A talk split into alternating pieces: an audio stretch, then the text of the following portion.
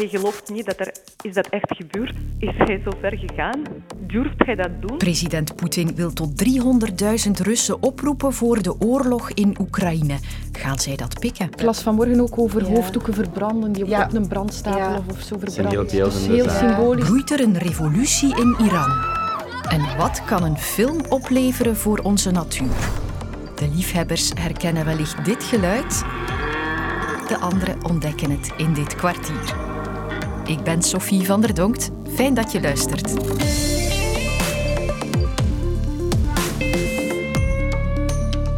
Vanochtend rond een uur of acht begonnen hier op de redactie rode lichtjes te flikkeren en persberichten binnen te lopen.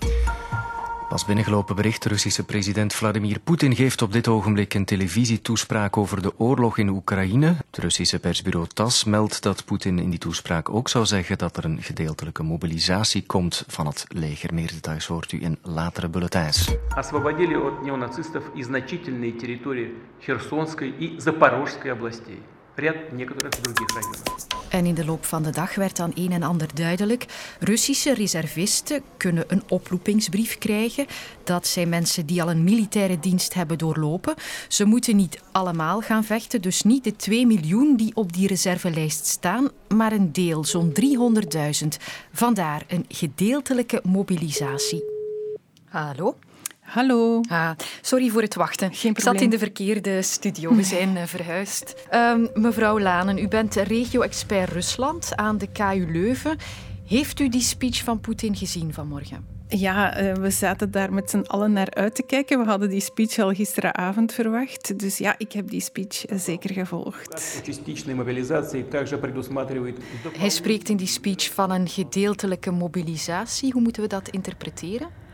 Ja, ik zie dat aankondigen van een gedeeltelijke mobilisatie eigenlijk als een soort compromis. Dus ja, eh, nog steeds geen algemene mobilisatie. En dat is wel belangrijk, want ehm, ik denk dat die algemene mobilisatie nog steeds iets is dat Poetin ten alle kosten eh, wil zo lang mogelijk voor zich uitschuiven, omdat hij toch bevreesd is dat daar ehm, ja, weinig draagvlak zou kunnen voor zijn.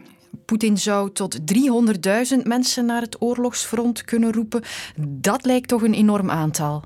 Ja, numeriek gezien eh, lijkt dat vrij impressionant. Hè? Want eh, zeker in vergelijking met het aantal Russische soldaten dat tot nu toe werd ingezet, is dat plotsklaps wel een heel grote groep die er potentieel bij komt. Maar we hebben natuurlijk in deze oorlog al gezien, en dat is een les die Poetin ook al heeft moeten trekken, dat het niet zozeer gaat om wie de numerieke eh, meerderheid heeft, maar over motivatie, professionalisme. En daar konden we ons wel vragen bij stellen eh, bij die bijkomende troepen die er zullen zijn van Russische zijde. Hoe gaan zij met toch beperkte militaire ervaring, ja, hoe gaan zij daar aan dat front optreden, daar ehm, kunnen we ons veel vragen over stellen. En misschien boezemt dat ook wel angst in aan Oekraïnse zijde, want misschien wordt dat dan ook nog eens een bijkomende factor van mensen die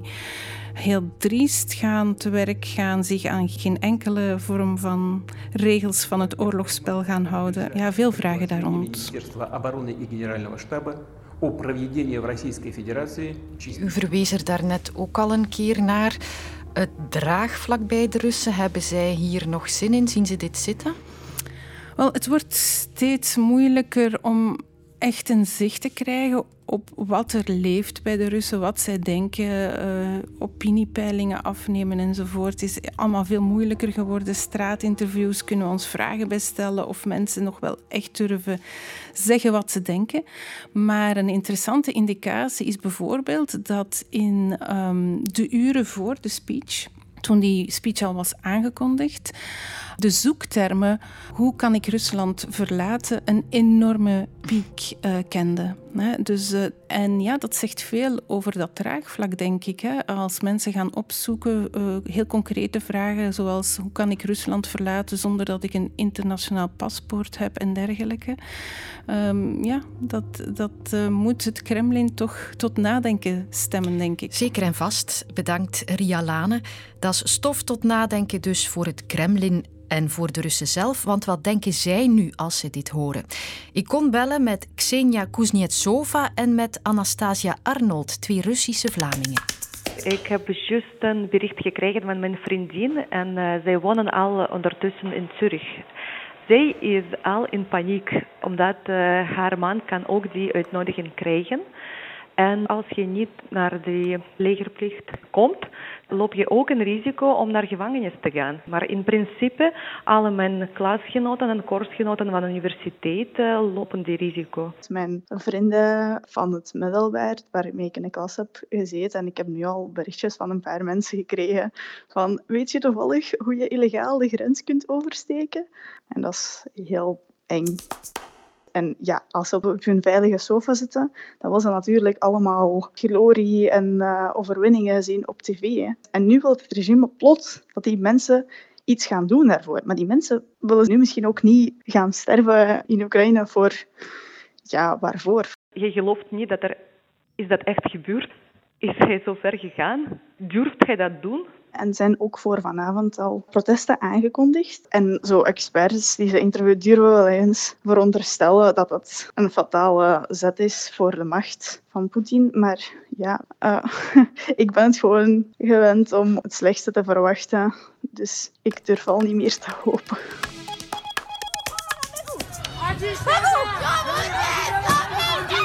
Wat je hoort is protest in Iran na de dood van een jonge vrouw die opgepakt was door de zedenpolitie, omdat ze haar hoofddoek niet op de juiste manier gedragen zou hebben.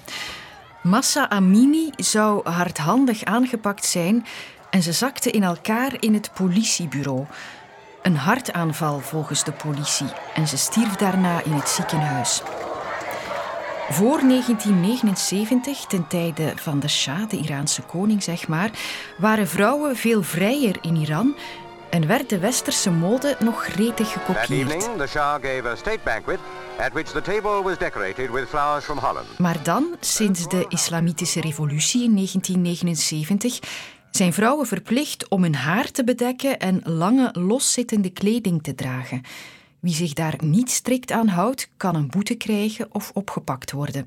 En nu leidt de dood van Massa Amini nog eens tot verzet daartegen.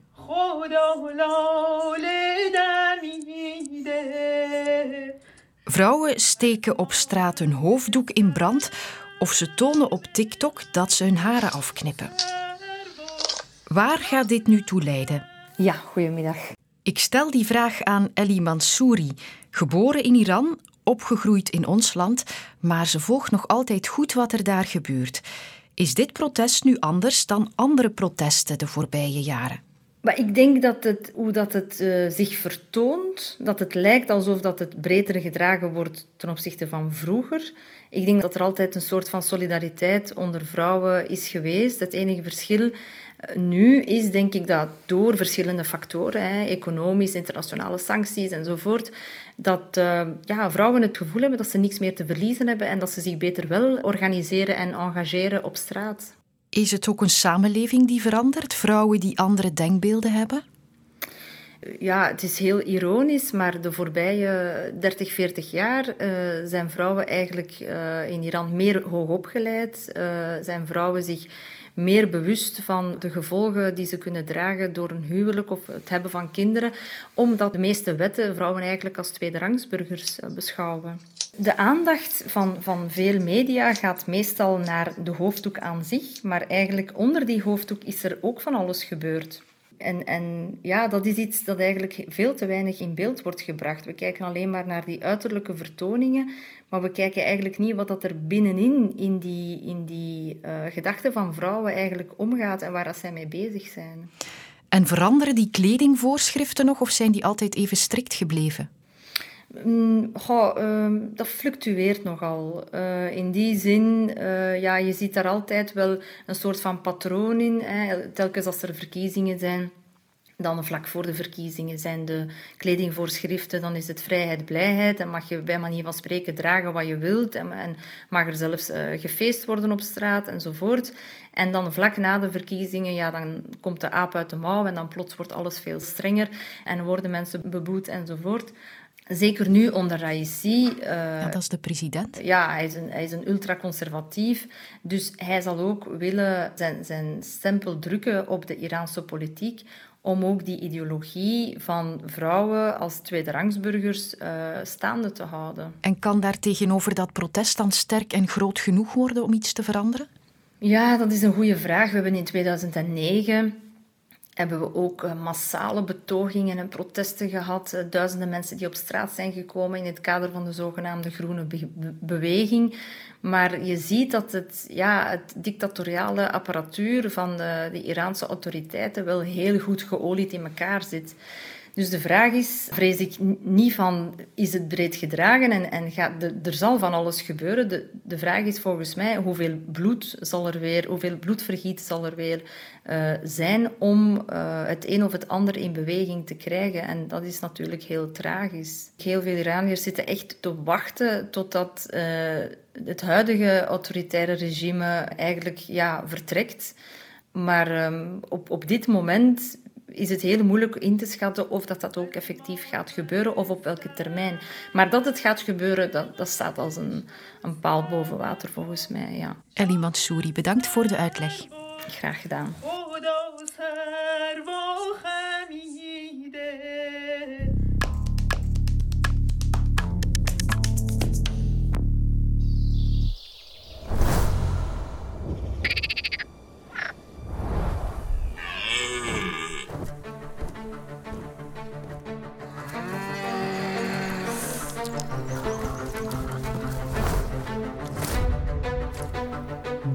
Duizend draaidagen in modder en water en 40.000 uur opnames. En dat voor de Vlaamse film Onze Natuur. Die is vanaf vandaag te zien in de bioscoop. En de makers zijn tot het uiterste gegaan. Je krijgt de dieren en planten in ons land te zien op een manier die echt nog nooit getoond is bij ons. Denk niveau National Geographic of BBC Earth. Hij scheert laag over de grond. Makkelijk 50 per uur zonder hoorbaar gas te geven. En zo blijft hij tot de laatste seconde verborgen. En voor dat perfecte beeld lag documentairemaker Pim Nieste 2,5 jaar op wacht. Ja, je moet er gewoon op tijd bij zijn en alles kan op elk moment bij wijze van spreken gebeuren. Ja, dat kan een hele dag zijn. Ik probeer het moment in te schatten waarop ik even gemist kan worden, ook om, om iets te eten, om even mijn benen te strekken. maar als er iets gebeurt, gaat het ook heel snel en moet je heel snel kunnen reageren. Je komt misschien in de verleiding om nu weg te dromen of, zoals ik dan, ook eens terug te denken aan de onheilsberichten over onze natuur. Vorige week stond er nog in de kranten dat de Vlaamse natuur bij de slechtste van Europa is. Kan zo'n film daar dan iets aan veranderen? Heb ik voorgelegd aan Koen van Keer van Natuurpunt. Ja, goeiedag. Wat die film vooral doet, is echt ja, respect eigenlijk uh, creëren voor natuur, verwondering creëren voor die natuur. En eens dat mensen, en veel mensen daarvan overtuigd zijn, dan gaan ze er misschien ook meer voor doen om die natuur te behouden. De film kan ervoor zorgen dat mensen de natuur redden. dat dat ook een doemfilm kunnen zijn, uh, waar de nadruk ligt op wat er allemaal verloren gaat. Men heeft er duidelijk voor gekozen om, om de schoonheid van de Belgische natuur te tonen. We hebben daar ook wel een discussie over gehad hoor. Dus ik en de makers, we hebben daar we over gesproken. Waarbij ik ook wel ja, de noodzaak van die doemberichten duidelijk maak. Maar ik snap het wel. Ik snap wel de insteek dat men zegt van we gaan nu eens echt gewoon tonen wat er zoal kan verloren gaan. Hè? Want mensen zijn zich er niet echt van bewust eigenlijk. Het is allemaal in België gefilmd. Daar zijn we formeel over. Ik heb inderdaad ook zo'n opmerking gehoord van, van Gert Verhulst, die eigenlijk in zijn nieuw programma zei van ja, die, die beelden met die snoek waar die lichtstralen zo doorkomen, dat is toch in een aquarium gefilmd. Maar dat weet ik heel zeker, want ik was erbij als die beelden gefilmd zijn. Dat is in de, de vijver van de Wolvenberg. Dat is een klein gebiedje in Antwerpen. Het, nadeel van, van die documentaires uh, die je vaak ziet over exotische schone dingen, dat is dat het inderdaad toch ver af is. En het besef kan nu misschien toch groeien dat hier ook van alles te redden valt bij ons, dat er heel veel mooie dingen zijn. Oh ja, je hoorde een kwartier geleden het indrukwekkende geluid van een burlend hert. En het is nu de periode van het jaar, het is bronstijd. Hoe harder een mannetjeshert burrelt, hoe meer succes bij de vrouwtjes. Tot morgen. Wat doet dementie met een mens? Ontdek het in de podcast Mistlicht. Nu in de app van VRT Max.